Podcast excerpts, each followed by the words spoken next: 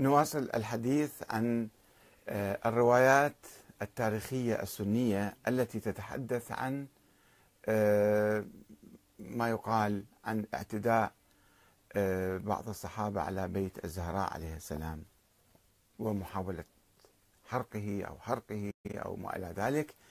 وتحدثنا هذه تتم لي هذه الحلقة القسم الأول اللي هو التدقيق والبحث ونقد الروايات التاريخية السنية. وقد بحثت ذلك مفصلا في كتابي السنة والشيعة وحدة الدين خلاف السياسة والتاريخ. الآن أحاول التحدث عن ميزان القوى القبلية عند بيعة أبي بكر. هل كان هذا الميزان يسمح لعمر أو لغير عمر بالاعتداء على بيت الزهراء؟ هذا سؤال. من المعروف أن خلافا سياسيا مؤقتا حدث بين الصحابة بعد وفاة رسول الله صلى الله عليه وآله وسلم وأن الأنصار بادروا إلى سقيفة بني ساعدة لتعيين رئيس عليهم قبل أن يلتحق بهم بعض المهاجرين ثلاثة. فيناقشوهم ويقنعوهم بانتخاب أبي بكر الذي كان أبو بكر من أصغر قبائل قريش وهي تيم. ولم يكن معه من رجال قريش إلا أبو عبيدة ابن الجراح وعمر بن الخطاب الذي كان ينتمي هو الآخر لقبيلة ضعيفة هي عدي. وهذا ما أدى إلى توقف البطون الكبرى من قريش كبني عبد مناف وأمية وأسد وبني زهرة وبني مخزوم عن بيعة أبي بكر لفترة ثم بايعوه. يقول ابن قتيبة الدينوري أن بني هاشم اجتمعت عند بيعة الأنصار إلى علي بن أبي طالب واجتمعت بنو أمية إلى عثمان واجتمعت بنو زهرة إلى سعد وعبد الرحمن بن عوف فكانوا في المسجد مجتمعين. فلما أقبل عليهم أبو بكر وأبو عبيدة وقد بايع الناس أبا بكر قال لهم عمر ما لي أراكم مجتمعين حلقا شتى قوموا فبايعوا أبا بكر. فقد بايعته الأنصار بعد ما جاءوا من السقيفة. وكان من بين الرافضين في البداية زعيم قريش القبلي يعني أبو سفيان حيث ذهب إلى الإمام علي يحرضه ضد أبي بكر قائلا أرضيتم يا بني عبد مناف أن تلي عليكم تيم؟ يعني أبو بكر يقصد. ثم عرض عليه أن يبايعه. فقال له امدد يدك أبايعك. فلأملأنها عليه خيلا ورجلا.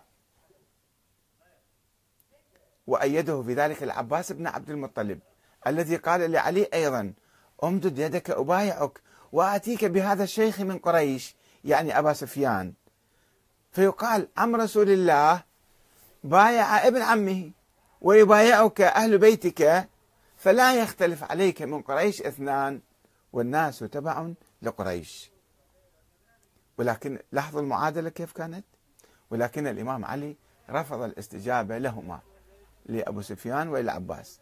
دون أن يخفي امتعاضه من بيعة أبي بكر. في البداية يعني كيف تجاوزتوني وانتخبت واحد من دون ما أنا أشارك في عملية الانتخاب؟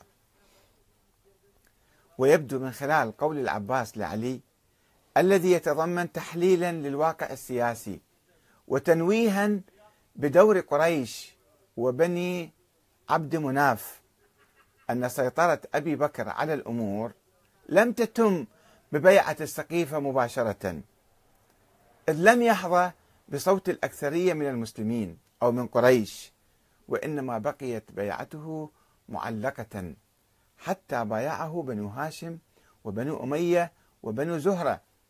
ولو كان على علي قد استجاب لدعوة العباس وأبي سفيان لكان قلب الأمر على أبي بكر والأنصار لأنه كان يحظى بأكبر وأقوى الأصوات ولكنه أحجم عن المنافسة وانسحب من أمام أبي بكر خوفا من إحداث شقاق بين المهاجرين أو بينهم وبين الأنصار وفتح بذلك الباب أمام استقرار نظام أبي بكر. يقول الطبري حدثنا أبو صالح الضرار قال حدثنا عبد الرزاق بن همام عن معمر عن الزهري عن عروة عن عائشة أن فاطمة والعباس أتيا أبا بكر يطلبان ميراثهما من رسول الله صلى الله عليه وسلم وهما حينئذ يطلبان أرضه من فدك وسهمه من خيبر. فقال لهما أبو بكر أما أني سمعت رسول الله يقول لا نورث ما تركنا فهو صدقة. إنما يأكل آل محمد في هذا المال. وإني والله لا أدع أمرا رأيت رسول الله يصنعه إلا صنعته. قال فهجرته فاطمة فلم تكلمه في ذلك حتى ماتت. فدفنها علي ليلا. فمكثت فاطمة ستة أشهر بعد رسول الله صلى الله عليه وسلم ثم توفيت.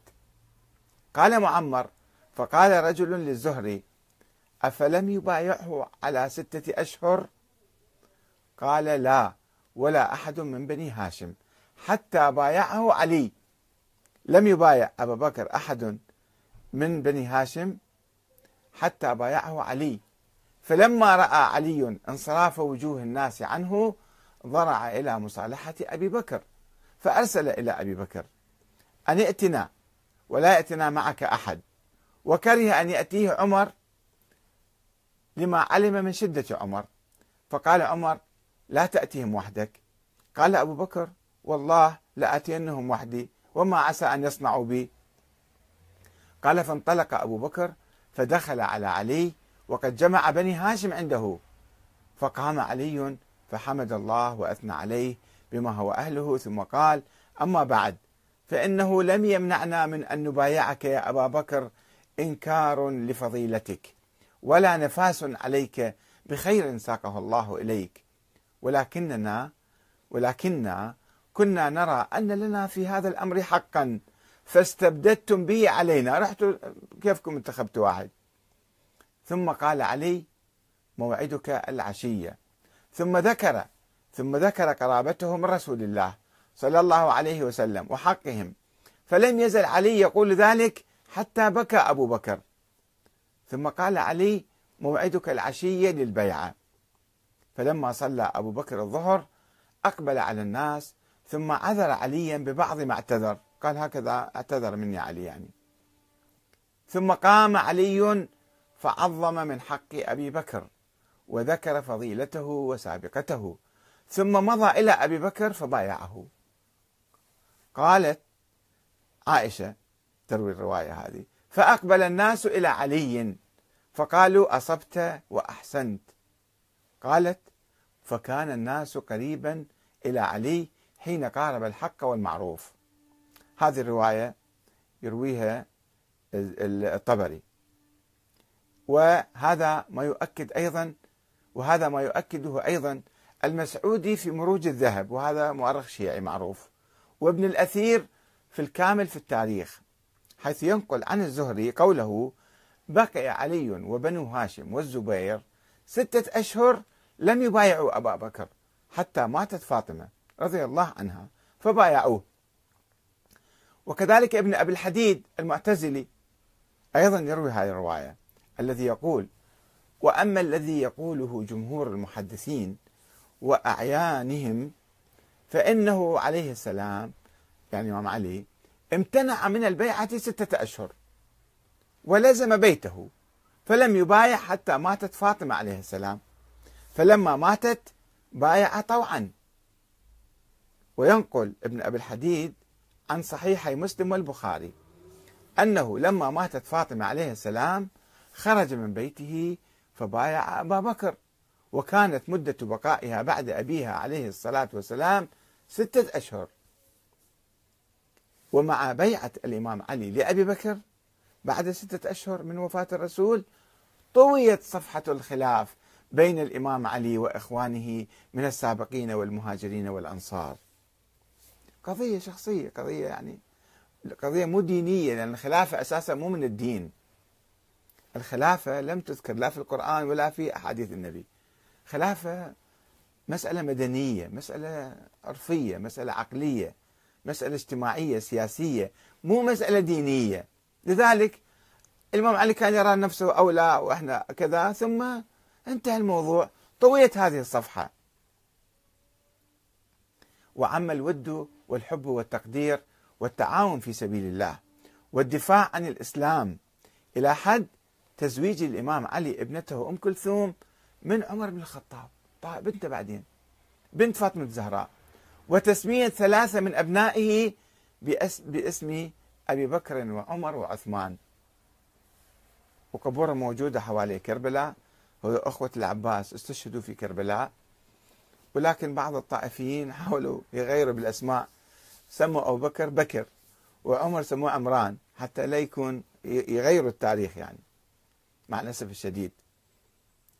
ذلك الأمر الذي يؤكده الموقف الشيعي الإيجابي من الشيخين وعموم الصحابة ما كان مشكلة كبيرة. والثابت عبر الروايات المتواترة من الشيعة والسنة. والذي قدمناه في الصفحات الآنفة.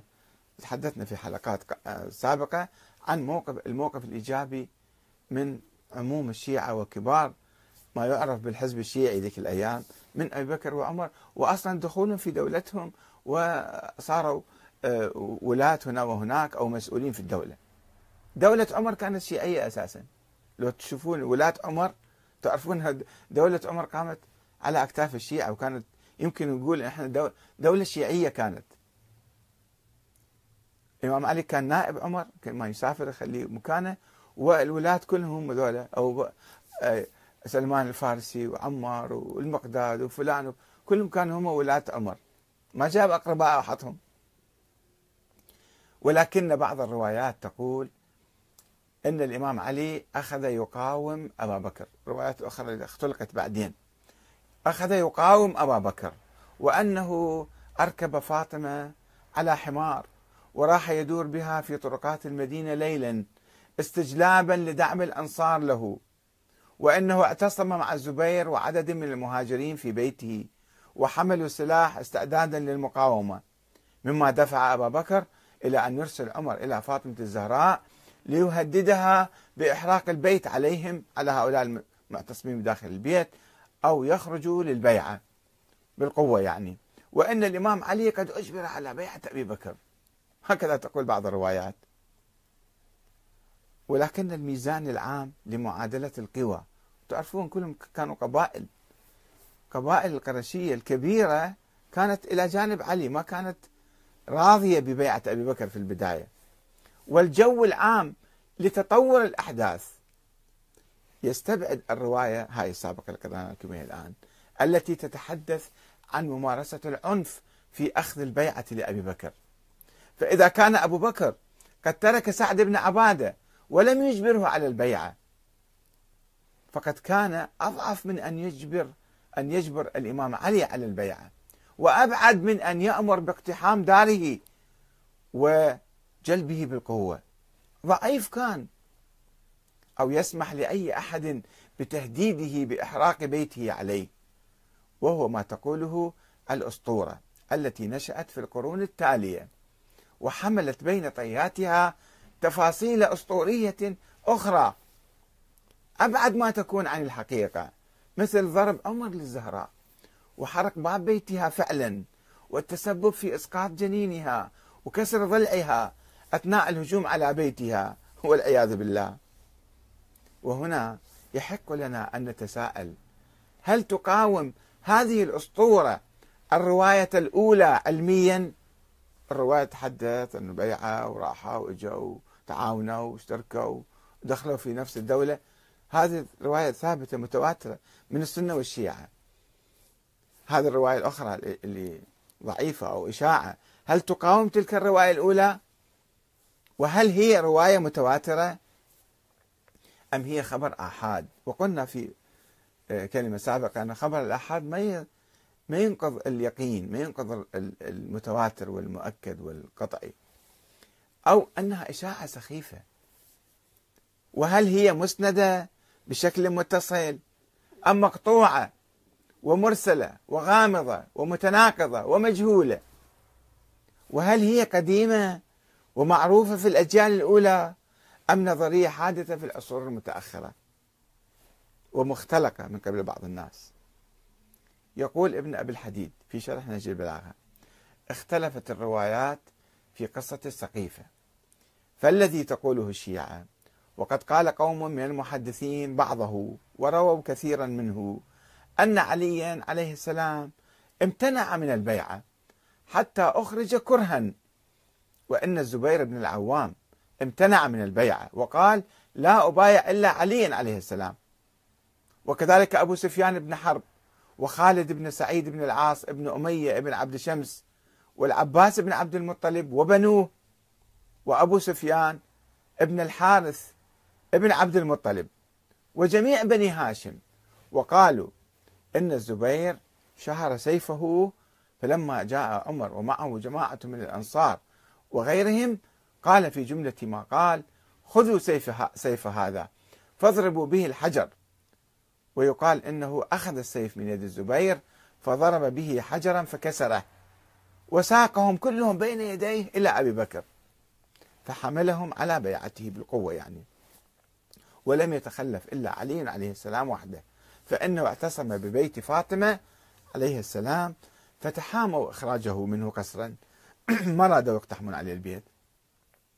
وقامت فاطمة عليه السلام إلى باب البيت فأسمعت من جاء يطلبه تعاركت وياهم يعني فتفرقوا وعلموا أنه بمفرده لا يضر شيئا فتركوه. وقيل إنهم أخرجوه في من أخرج وحمل إلى أبي بكر فبايعه. وقد روى أبو جعفر محمد ابن ابن جرير الطبري كثيرا من هذا. هذا الراوي الآخر. الشيعي يعني الطبري. فأما حديث التحريق وما جرى مجراه من الأمور الفظيعة وقول من قال إنهم أخذوا عليا عليه السلام يقعد بعمامته حطوه برقبته جراه يعني والناس حوله فأمر بعيد والشيعة تنفرد به. هذا ابن أبي الحديد يقول المعتزلي المعتدل. على أن جماعة من أهل الحديث قد رووا نحوه وسنذكر ذلك. قال بعض أهل الحديث هم رووا بعض الروايات خلينا نشوفها بعدين ما هي قيمة هذه الروايات؟ وإلى حلقة أخرى حول هذا الموضوع. نستعرض الروايات واحدة بعد أخرى.